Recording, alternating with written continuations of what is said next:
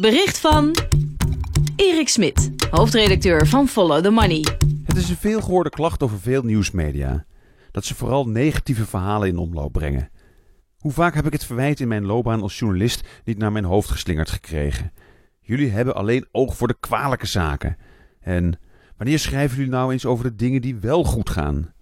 De onlangs overleden Zweedse statisticus Hans Rosling had een hard oordeel over de media. Volgens hem moest je niet naar journalisten luisteren als je een goed beeld van de toestand in de wereld wilt krijgen. Rosling liet met behulp van statistiek zien dat het juist goed gaat met de mensheid en werd daar wereldwijd om geprezen.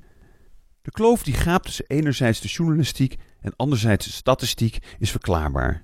Journalisten willen en moeten de macht controleren. Ze zijn kritisch en hebben om die reden meer oog voor misstanden en de negatieve kanten van de werkelijkheid. Daar moet meer balans in komen, is mijn oordeel, en ik ben gelukkig niet de enige die dat denkt. Journalisten moeten, net als Rosling, oog blijven houden voor het grote plaatje. En we mogen ook zaken in beeld brengen die juist wel goed gaan.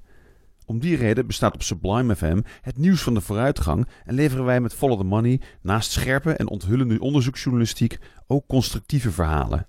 Want ondanks de waargenomen ellende blijkt de werkelijkheid vaak rooskleuriger dan we denken.